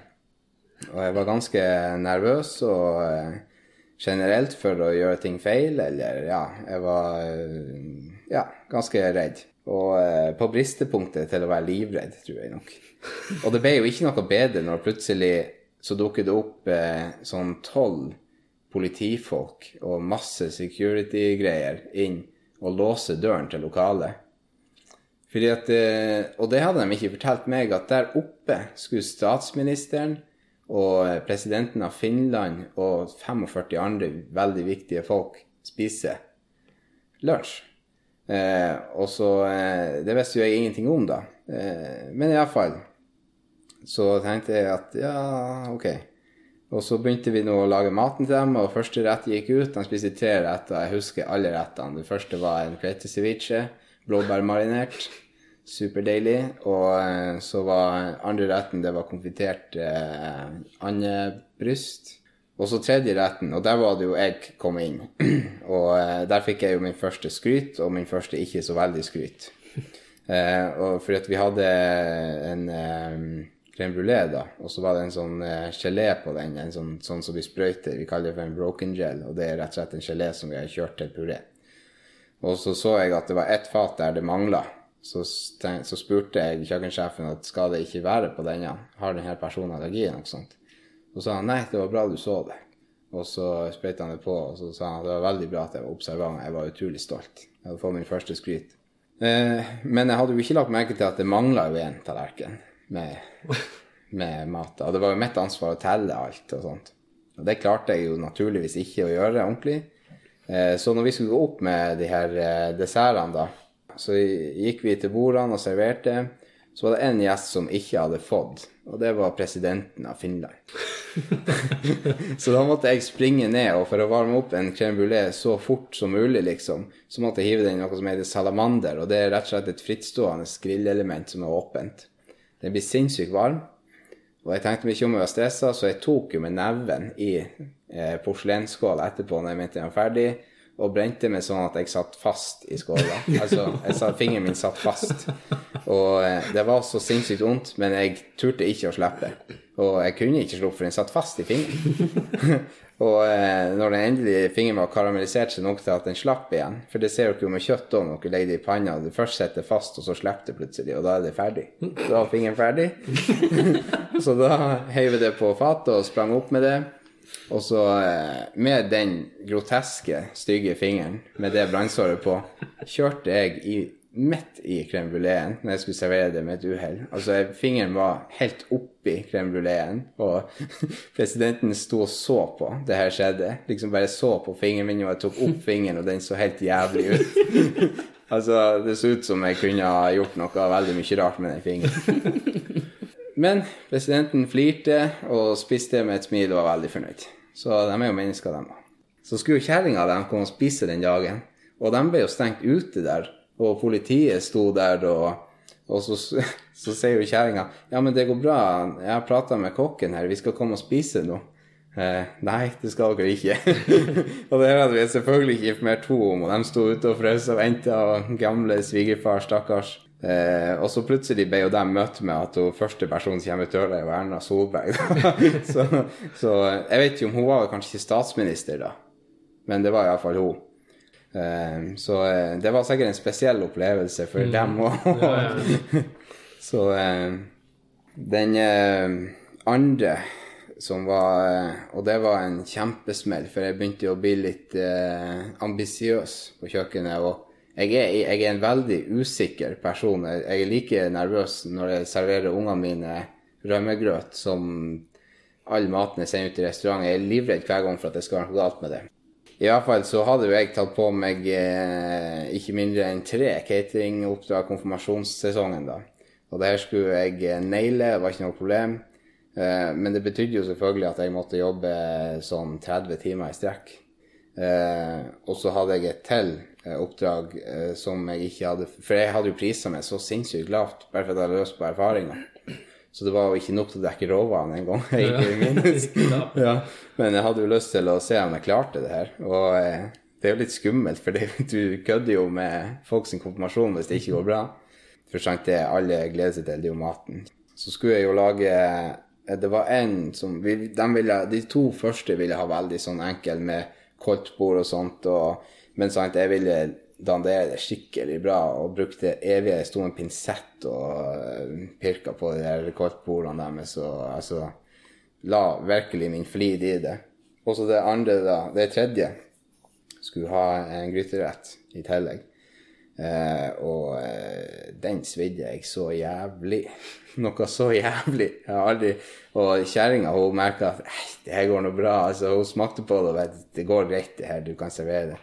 Nei, det kunne jeg ikke. Jeg kjente den svidsmaken. Så det jeg gjorde, for jeg hadde jo bare eh, sånn der en time på meg til det skulle leveres, og jeg måtte jo ha ei gryte med meg. Så, så jeg tok ut kjøttet og vaska det, sånn at det, jeg, vas, ja, jeg vaska det i kjøttkraft for at det ikke skulle miste smak, og samtidig skulle, at det ikke skulle være sviddsmak ut av det. Og, eh, og så eh, tok jeg og silte av sausen og spedde den så i de grader, sånn at det smakte ikke svidd lenger. Og spedde den ut med fløte for å få den tjukk og alt sånt der og god igjen. Og jeg har til dags dato ikke brukt jevning, og det vil jeg ikke gjøre. Og eh, ja, så ble jo sausen ganske bra. Den ble faktisk bedre i utgangspunktet. Og eh, kjøttet ble veldig godt, og, eh, men grønnsaker hadde jeg jo ikke. Så da ble det jo eh, å finne alt av frossengrønnsaker jeg eide. og Bare dumpe det oppi faens spart og komme av gårde med det. Og I tillegg til det så hadde jeg eh, tre kakebestillinger, og ut to av dem var til konfirmasjon, og den ene var til alt annet enn konfirmasjon. Det var en fyr som skulle ha ei sånn humoristisk kake til broren sin da. Og den så ut som det kvinnelige kjødet, på å si. Eh, Med vilje, eller bare? Nei, den, den, den skulle være sånn. De andre var fine, glaserte kaker. Ja. Og eh, selvfølgelig så tok jeg jo meg feil til den ene. så, men eh, så, Men For det var jo en som skulle hjelpe meg å levere det her, og han var jo ikke spesielt interessert i mat og sånt. Og jeg hadde jo, og det var jo likens bokser på alle kakene. Så den, eh, den som ikke skulle bli med, ble jo med. Men jeg oppdaga det jo heldigvis sjøl, for jeg tenkte at det kunne ha skjedd, og eh, tok det med meg før noen så det her, da. Og så, eh, så når jeg spurte om hvor kaka var, så sa jeg at jeg måtte hente for det ikke plass i bilen. Så det var nå egentlig greit. Så hadde jeg noen eh, beter og sånt, eh, sånn rødbeter og sånt som hadde marinert som skulle være til. Og så måtte jeg jo skynde meg å hente denne kaka, og så skulle han fyren der være igjen og forklare maten. Og så eh, ville de, de ville ha veldig spesifikt, sant, og, og eh, så begynte vi å snakke om smaksnyanser og sånt, og så, så ringte jeg han og fortalte han hva han skulle si. Og så beteren, når vi kom til beteren, så var det liksom at de har en litt sånn eh, jordlig smak, at det er litt sånn earthy, liksom. Og det han sa, at det var jordsmak i gryteretten, sant? Så det ble jo helt feil. Så, eh, så der var det jo eh, Og, og, og så nå hadde jeg vært våken i 30 timer i strekk og jobba ræva av meg. Og jeg var så svett, altså kaldsvetta og var så trøtt og jævlig og sliten i kroppen. Jeg holdt jo på å kveles. Og i tillegg til alt det her stresset. Og så var jeg så redd. Jeg var helt sikker på at det tredje cateringet som skulle ha en gryta, kom til å være så jævla misfornøyd og hate alt og hate maten, og jeg kom til å aldri kunne vise meg som kokk igjen. Så for jeg nå hjem, og, for jeg var der ganske lenge bare for å observere at folk faktisk spiste opp gryta, og jeg var ganske redd. Men så fikk jeg den tilbakemeldingen. Jeg har aldri fått så god tilbakemelding på maten før. Jeg var så fornøyd. og ja, så det berga seg jo til slutt. Men eh, det skjer iblant at man eh, svir det og må Altså, ei gryte tar jo Når jeg lager den på den måten Jeg bruker jo ikke kjøttdeig og sånt, sant. Det tar jo seks-syv timer. Og så har du en halvtime på deg å fikse ei svidd gryte, som i utgangspunktet er ganske eh, umulig. Så eh, det er utrolig hva du klarer å dra opp av hatten. Det berga seg nå til slutt. Så har vi eh, nummer tre, da. Og det var jo òg en ganske, ganske heftig brøler. Og det var det første bryllupscatering jeg hadde. Og der tok jeg det jo òg ganske langt ut med at jeg bestilte jo et sånn eh, stativ som var håndlaga i Frankrike. Det kosta meg 3500, det stativet. Sånn, eh, til hva? til bryllupskaka. Og den eh, For det var jeg veldig eh, det begynte jeg, jeg begynte å bli litt selvsikker på å lage kake, liksom. For um, da hadde jeg jo vært på Pascal og, sant, og brukt ganske mye tid på det. Så det der tenkte jeg at det der er ikke noe problem. Akkurat den kaka er jeg ikke redd for. Jeg hadde jo også maten da, og det var jo fire retter, og de var vel en 90 eller noe sånt. I hvert fall når jeg skulle pakke inn alt, så fikk jeg det Jeg, jeg har en sånn tendens at jeg har jævla god tid, og så sitter jeg der, og så går jeg i den YouTube-fella og glemmer meg av. Og så plutselig har jeg dritdårlig tid og må bare skynde meg og pakke alt i bilen og sånt. Så heiv jeg jo alt inn, og i min fortommelse så heiv jeg jo bryllupskaken òg inn i bagasjerommet. Liksom, så, så når jeg skulle ta dem ut, så var jo halve kaka most. Det var jo bare, det var jo bare sarv igjen. Så det jeg fant ut at eh, Og der er jo også igjen, det er ikke, du kan ikke hive opp ei bryllupskake i full fart, liksom. Eh, ja, da tok jeg jo kaka, og så skjærte jeg eh, i sånn halvmåne for halvparten av kaka, og delvis halvparten på noen av dem. Så jo greit. Det minste var veldig vanskelig, da, for den var jo bare eh, 12 cm i diameter, og der ni var ødelagt. Så, så det ble litt sånn halvmånetema på den kaka. Så jeg la den jo opp alle kakene som halvmåne, og så lagde jeg en sjokoladekrem i full fart og smurte på den sida som ikke, hadde, ikke var glasert, da, fordi den var blitt most. Og så la jeg det her opp da, og eh, serverte det. Og så tok jeg alle, for jeg hadde laget sånne sjokoladesirkler og sånt oppå kaka. Og dem knekte jeg så det så ut som bananer i stedet, så det skulle matche med at de andre så litt ut som bananer. Og så tenkte jeg, skal jeg hakke opp noen bananer på den? Det kan jeg ikke gjøre. Så det ble nå ikke gjort, heldigvis. Men uh, det ble jo litt mindre kaker enn beregna. Så, uh, så det jeg sa, for jeg hadde brukt en ganske mørk sjokolade, uh, 72 eh, kakao i den, og, men jeg hadde jo laga den med liksom vaniljekrem, så den var jo ikke sånn sinnssykt intens. Men det jeg sa til folk, det at den her må dere huske at denne kaka er veldig kraftig på smak, så dere må ikke ta for store stykker. så, så, så det endte med at jeg sto med den eh, skarpeste sashimi-kniven jeg hadde, og skjærte de flisene og serverte ut til folk. Og så Husk at den her er mektig. Ja, den her er kraftig. Så folk spiste jo opp det der på ei tugge. det var nå ikke så mektig, det, liksom. Kaka var nå borte, og, eh, så jeg var jo veldig fornøyd. Det var kjempe Fikk vinflasker og tips hos dem og alt mulig. Så det var Det gikk jo bra. til slutt. Ok. Skal jeg begynne i dag? Da kan du få lov å begynne. Nummer én. Mosa brent finger inn i, bruleen til den finske President. presidenten. Mm. Uh, nummer to. Du serverte eh, masse kolt, eller masse porsjonsretter. Der den ene var i gryte som var svidd, så du måtte vaske kjøttet og lage en ny. Og fittekaker. Yes, Og fettkaker, ja. Um, ok. Og tredje var kaka som ikke ble hel. Halvmånebryllupskaka. Banan. Alle tre var jo veldig kreative. Ja. Alle tre var De, veldig de kreative. hørtes ut som de kunne være sanne, alle sammen. Ja, Er de det sanne, alle sammen? Jeg har kontrollspurt om det før vi begynte.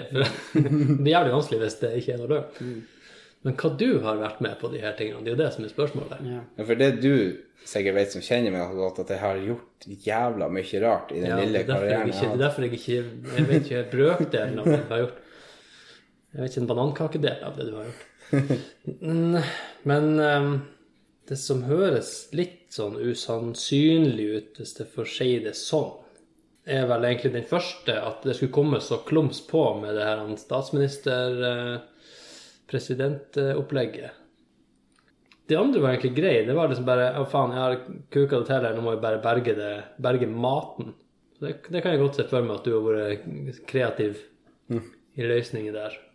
Jeg går for nummer én. Jeg syns det, var- det, var liksom- det var litt sånn eh, At ikke noen skulle reagere på en, en medium rare tommel oppi Det hvert flere som så på Den vingen. sånn well som du sa det, og sånn. Ja, ikke sant. Nei, så jeg går for nummer én. Jeg går for nummer én. Du jeg, jeg kjenner jo faktisk Det er ikke ofte vi skal ha samme, men jeg kjenner òg på den nummer én. Er det lov å spørre om jeg får se på fingrene hans? Jeg viser fingrene. Men sant, det her er jo hver dag brenner meg jo, så det kan jo være hva som helst. ja. Men hvorfor skal neste fingeren? Miste fingeren oppi munnen? Og så lurer jeg jo òg på at hvis det her var din Hvorfor skulle du bli satt til en så stor oppgave? Eller det var jo flere, du fikk desserten. Jeg tror jeg òg går for én, faktisk. Og det er ikke ofte vi Nei, det er ikke ofte vi er enige. Nei. Det her er deres endelige svar. Svaret er avgitt. Er det det? Skal du ombestemme deg? Now or never. Altså, det her, blir jo, det her er jo litt oss mot han, og for at Trang skal bli større, så bør jo jeg velge en annen. Men så er det jo Nei, du må jo bare tro det som du er. Du må jo velge. Det kan hende begge vinner. Ja. Ja men jeg, går òg for nummer én, altså. Det gjør jeg. Det lukter ikke ugler i mosen, det lukter svidd tommel i crème brulé. Jeg tror ikke kjerringa hans skulle dra og spise på den plassen. Nei. Ja. Ja, nei, eh, ja, da er svaret avgitt. Vi går for nummer én, ja. begge to. Nummer én. Ja, nummer én er sant. Det er sant. Det, det har skjedd. Faen, sant. Nummer tre, Nummer tre. den med halvmånekaka, hadde aldri blitt hevet i bryllupskaka uansett hvor stressa jeg var i bilen. Ja, det vet jo ikke vi. Nei, det vet ikke vi. Nei, Du, for du roter jo litt. Ja, ja, jeg gjør jo det, tydeligvis. Nei, der, eh, og det, jeg skjønte ikke at det kom gå for smell der, altså. Ja. For det er jævla usannsynlig, den der. Men det er altså Ja, hvor det har, ja, du må jo ha noe rot i sannheten. Eller det fant du bare på alt. Altså, han har jo sikkert gjort det bryllupet, men han har ikke Ja, hevet altså, kaka i bryllupet ble gjort, men det var ikke glasert kake, det var faktisk ei ostekake. Og eh, den ble Og alt gikk som det skulle. Den ble Ja, ja. og, Det gikk okay. veldig bra. Jeg fikk vinflasker og tips òg. ja, det er jo hvis du har laga ei god kake. Altså. Ja, ja. Det er ikke sikkert jeg du får den med banankake. Ja. Ja, det var kreativt. Ja. Men eh, jeg hadde, hvis jeg ikke hadde tatt én, så hadde jeg faktisk tatt to, tror jeg. Ja, så han hadde tatt oss Ja, jeg hadde tatt det sånn sett. Vi er ikke så gode på det der. Nei, vi er faktisk ganske dårlige. Ja. Ja, ja. ja. Neida. Neida, det skjedde dessverre, men det var jo bare humor i det, heldigvis. Men eh, sant, og, og grunnen til at jeg i det, var for at jeg var den minst verdifulle fyren som ikke trengte å stå og godsnakke med kjøkkensjefen, og eieren må jo stå der og prate med de her Ja, sånn. overlordene. Ja, ja. Overlorden. Ja, og jeg, jeg var jo den eh, enkleste på rangstigen, så det var jo best å få meg til å, å gjøre det. Ja, sånn er det. Så det Sånn er det. Tusen takk, Emil. Det var jo eh, artig. ja, det Det var var artig. en, en hel kulinarisk opplevelse, det her. Ja, faktisk. Det blir jo en, vi må nesten bytte Ja, dere har jo faktisk lært å koke potet. Ja, Ja, nå blir det jo må vi jo bytte jingle på den her og ha den her uh, fjernsynskjøkkenet. Ja. Så det var jo hyggelig at du kom til Takk for maten. Jeg mener, eh, takk for kaffen. Ja. Nei, vi, eh, Må vel avslutte som vanlig med å opplyse om Eh, om eh, vår eh, stort, stort trafikkerte e-mail-postadresse, som er takkforkaffen at gmail.com. Ja. Lurer på om folk sier feil at de skriver 'takk for kaffen'. Ja, For det er altså 'takk for kaffen' takk for kaffen. i ett ord. Ja, som i takk for kaffen. Ja, På søring. Ja. Men det kommer opp melding hvis det, Ja, den det- ikke, ikke eksisterer. Ja, det er sikkert noen som har laga som plagiat. De setter får vel posten vår. Så også lager de en podkast som heter Takk for kaffen. Ja. Takk for kaffen. Og på Facebook Ja, kan på dere skrive til oss. Ja. Og så er vi jo blitt Jo, gjorde han det, han så, Han skrev på Facebook. Ja. Veldig lett. Mm. Ja. Easy-peasy. Ja. Og så gi oss en uh, rating. Gi oss en, uh, en feedback Ja. der du hører på oss. Så hjelper det kanskje på at enda flere får høre det glade eller gale budskap. Mm. Da blir vi glade. Da blir vi glad. Da blir vi rørt. Og til alle mødre der ute, det gjør ingenting om poteten er sunnkokt. Han er veldig god for det. Ja. Men med skallet på. Skallet må være på. ja. Nå er det jo ikke hedning. Med det så får vi si eh, takk for kaffen, og takk for besøket. Ja, tusen takk for at jeg fikk komme. Det var artig. Takk for kaffen. Takk for kaffen. Adjø.